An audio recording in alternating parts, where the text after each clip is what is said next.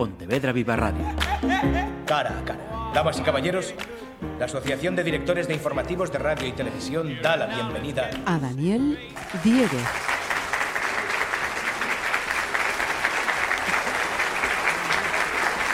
Comenzamos una artística, seguro y dulce charla por su temática con un pontevedrés, con Daniel Dieguez. Así que gracias, lo primero, Daniel. Bueno, gracias a ti por el interés. Daniel se encuentra temporalmente residiendo en Canarias, ah, porque bueno, pues como a la inmensa mayoría esta situación nos ha trastocado nuestra rutina y, y ahora mismo se encuentra allí como, como profe, ¿no, Daniel? Pues sí, me ha salido un nombramiento como profesor de dibujo temporal y, lo he aprovechado. Si miramos tus redes sociales, eh, si te buscamos, apareces como Cake Artist, una definición en inglés que no sé si es por eh, una mm, visibilidad internacional o porque no hay una definición adecuada. ¿Cómo nos explicarías eh, esto que haces tú profesionalmente? Bueno, claro, efectivamente está en inglés porque el público que me sigue por mi trabajo, pues es un poco de, todo el mundo, ¿no? Entonces, claro, mm, nos guste o no, el inglés es el idioma que parece como que cualquiera puede entender o por lo menos tiene acceso a él como segundo idioma normalmente es, es mayoritario. Entonces, por eso toda la comunicación de mis redes sociales, desde hace unos años que empecé a pasar al panorama internacional dentro de mi contexto, la hago en inglés. Eh, hombre, en, en castellano, pues podría decirse mm, escultura comestible, lo que hago, en repostería decorativa o repostería artística y especializado con el trabajo en el chocolate. Ajá. Diez años he visto dedicándote a, esto, mm, tu trayectoria anterior en diferentes ámbitos, siempre vinculada a disciplinas artísticas, porque tu formación eh, viene de las bellas artes. Y te pregunto, ¿cómo hiciste converger tu actividad creativa con la repostería? Pues eh, bueno, la última carrera que estudié fue Bellas Artes, que la estudié en Pontevedra, y, y bueno, fue el último año que hice en Londres, donde pues pude conocer más de cerca las técnicas de la repostería creativa que por Reino Unido se llevan mucho y estaban bueno muy desarrolladas y ya son tradicionales y yo que siempre he tenido un interés bastante prominente por eh, todo el tema de la repostería y tal, el dulce, el chocolate, y que vengo pues de la cultura de las monas y todo eso, porque parte de mi familia y yo me he criado bastantes años en Barcelona, pues claro, eh, todo esto siempre me ha tirado mucho la chocolatería y tal, ¿no? Y siempre lo he llevado de manera paralela. De hecho, he trabajado en varias pastelerías y tal. Entonces, antes de estudiar Bellas Artes, estudié escultura y me especialicé en el trabajo de la piedra, pero la piedra pues requiere de una serie de medios, de talleres que bueno, no, no se facilita tanto y realmente me resulta mucho más agradable trabajar con material comestible. Y como cake artist, ¿has tenido que, buscar tu aprendizaje fuera? ¿Has tenido que, que, experimentar eh, por ti mismo para ir eh, creciendo profesionalmente? Pues ha sido una mezcla de todo pues mm, formarme en pastelerías, eh, trabajar con chocolateros y bueno, eh, empezar a buscar la manera de aplicar los conocimientos que aprendí en Bellas Artes y en escultura al material comestible, desarrollando mis propias técnicas y buscando mi propio estilo. Y así ha sido pues como he empezado pues a darme a conocer presentándome a algunas competiciones alguna nacional y otra internacional y después de llevarme algún premio y de conseguir un poco de repercusión en las redes sociales, pues he podido poco a poco ir dando mi trabajo a conocer y que mm, se me demanden clases, que es a lo que me dedico principalmente, y shows de escultura en vivo en pues por allá donde me lo requieren, pues voy. Mira qué bien que me acabas de, hacer un resumen perfecto de, la siguiente introducción a la pregunta que te, que te iba a hacer con todas esas consecuciones ¿no? que, estás eh, logrando.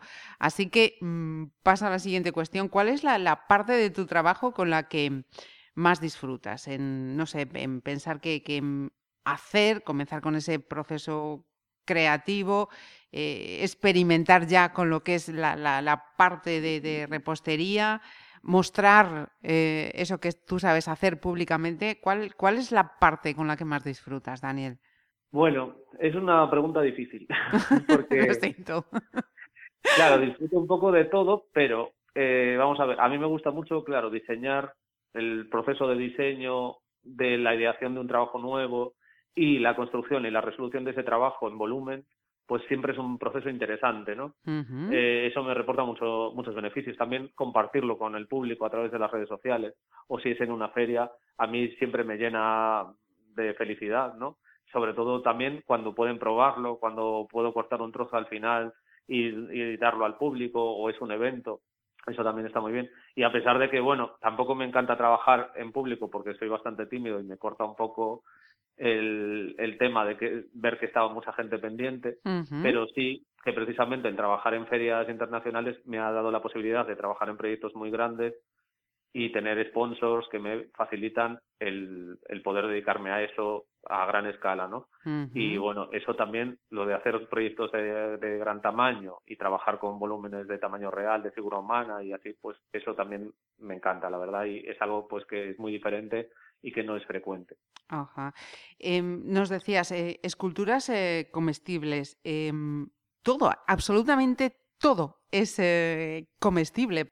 Bueno, depende de la, de la figura, claro, depende del tamaño y todo. Hay algunas que sí son 100% comestibles y de hecho estoy especializado en estructuras de chocolate para repostería que son comestibles, que vienen del trabajo de las monas, que es tradicional que se haga todo con estructuras de chocolate. ¿Sí?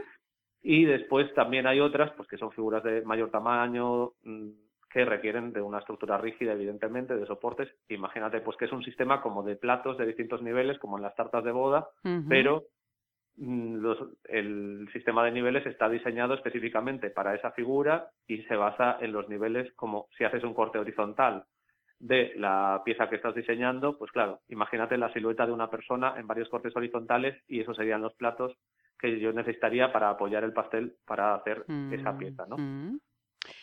Em, estamos hablando de arte mm, para disfrutar, no sé si con los cinco sentidos, porque yo estaba pensando, el, único que, que, me, que me falta es poder escucharlas. bueno, claro, a mí una de las cosas que me parece especialmente interesante del tema es que se pueda exactamente disfrutar con un poco, con un sentido más por lo menos del, del olfato y del, y del gusto el, el producto, ¿no? Y bueno, bajo mi punto de vista le da un valor añadido el que sea efímero también. Entonces, bueno, pues no deja de, ser una manera diferente y, y para mí interesante de, trabajar con este producto que, que, es delicioso y aparte es visualmente interesante, pero además solo se puede disfrutar en un tiempo muy determinado y luego desaparece. Ajá. Arte efímero, además, entonces. Pues sí, claro, como las fallas un poco, pero comestible. Fijaos en, en eso que, que, acaba de decir, porque luego me, me, voy a referir a ese símil que acaba de decir como las fallas. Estábamos hablando de, de sentidos. Y, mm, ¿A qué huelen tus esculturas entonces? Pues principalmente a chocolate. Chocolate por todas partes. Porque además me encanta la tarta por chocolate. La tarta que más suelo hacer en la receta de las esculturas es muerte por chocolate. y, literalmente, si se la comiera una persona, moriría. Otra definición te voy a pedir. ¿Qué, qué es para ti el chocolate? pues el chocolate, para mí, es muchas cosas. verdad, es difícil de decir. Porque es, para mí es un material de trabajo que es sagrado. Es un material para mí tan noble como la piedra o la madera o, o un metal precioso.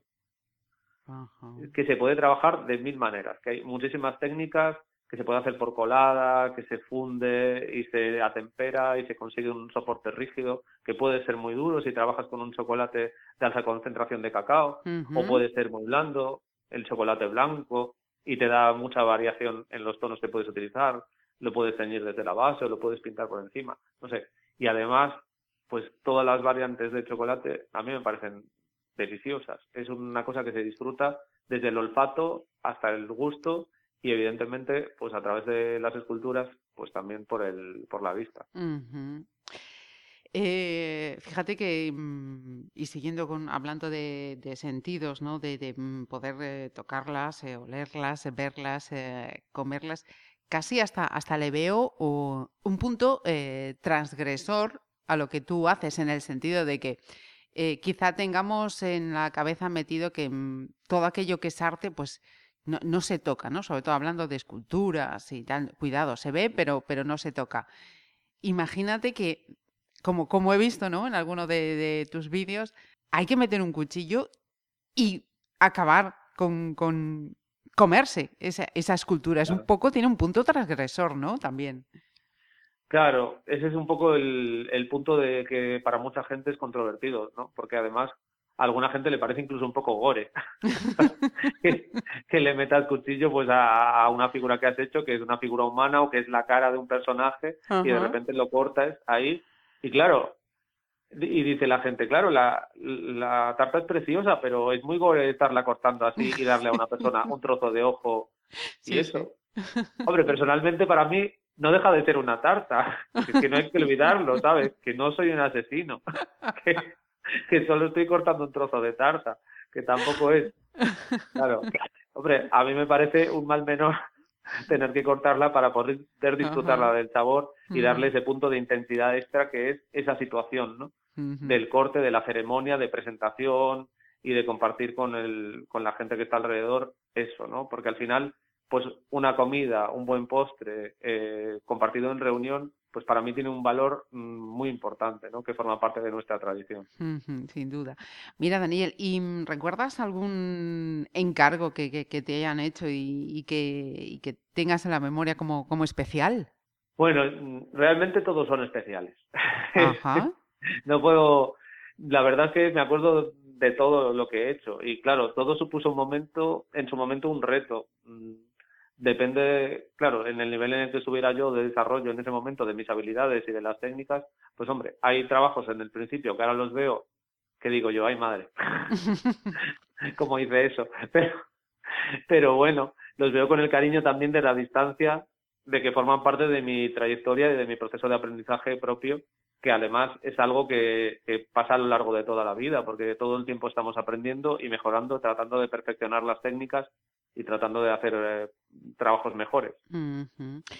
Rebuscando por tu trayectoria, por lo que haces, eh, he visto mm, que, hay un proyecto por ahí que habías promovido que se llama eh, The Cake Artist. Lo, he pronunciado bastante mal, pero quería preguntarte. bueno, de hecho, tenía un nombre en español que se llamaba Los Tartásticos.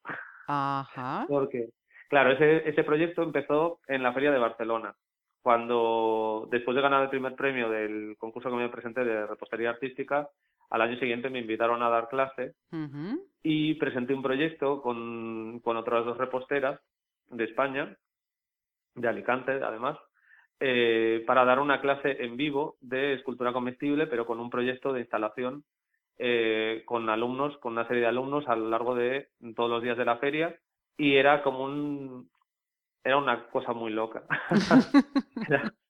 Era, como simular una invasión extraterrestre no y hacíamos como eh, unos marcianos de, de un tamaño bastante grande de tarta y hacíamos como toda una escenografía de tarta con los alumnos no de tarta con chocolate. Entonces eh, una de las profesoras estaba especializada en el trabajo del isomalt que es el azúcar eh, que se sopla y con el que se hacen eh, estos trabajos finos de pastelería.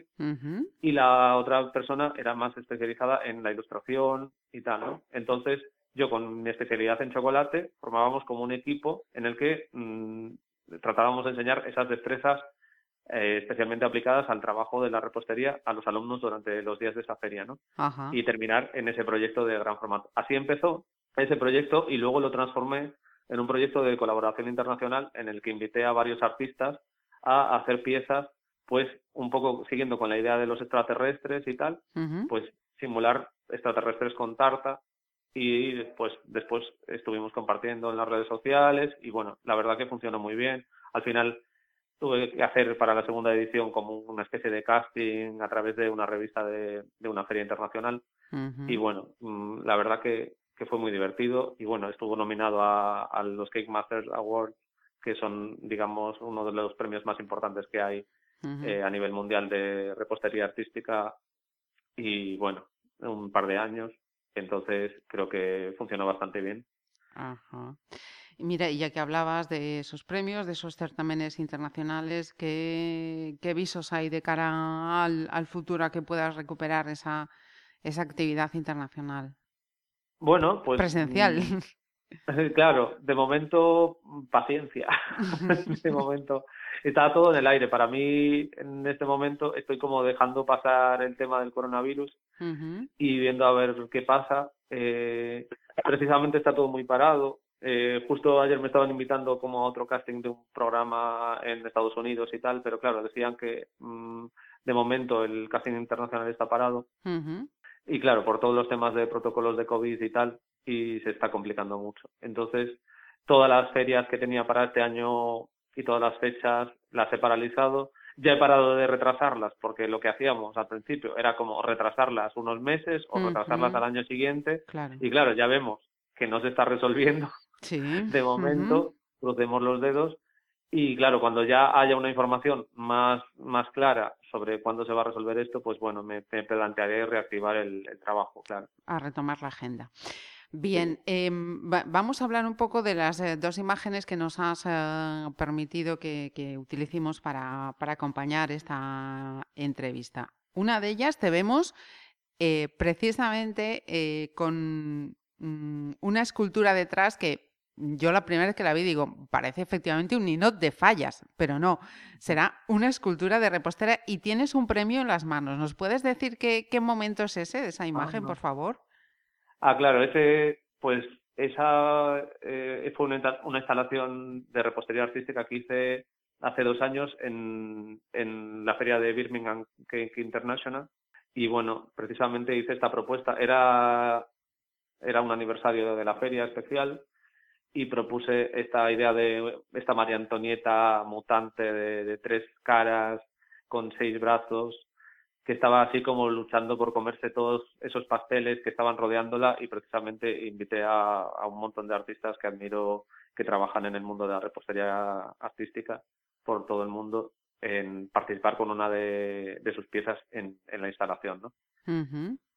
Bien, y la otra imagen que acompañaremos que hemos escogido es ir caminando por el bosque. Eh, a primera vista, quien vea esa imagen y, no sepa lo que te dedicas, mm, puede pensar que está hecho con infinidad de materiales, pero que no es una escultura comestible. Cuéntanos cómo es que es Eira caminando por el bosque. Claro, pues es precisamente la, última pieza que hice antes de, de dejar Pontevedra. Y bueno, pues está moderada con chocolate. esta es una mezcla de chocolate y glucosa la que se utiliza para la parte de modelado de cara, manos y toda esa parte. Y claro, recubre eh, todo el vestido, está hecho con oblea, con un tratamiento para que parezca tela, pero bueno, es oblea, pues, eh, que es un material muy sensible, eh, pues como de las hostias de la iglesia. Sí, sí, sí.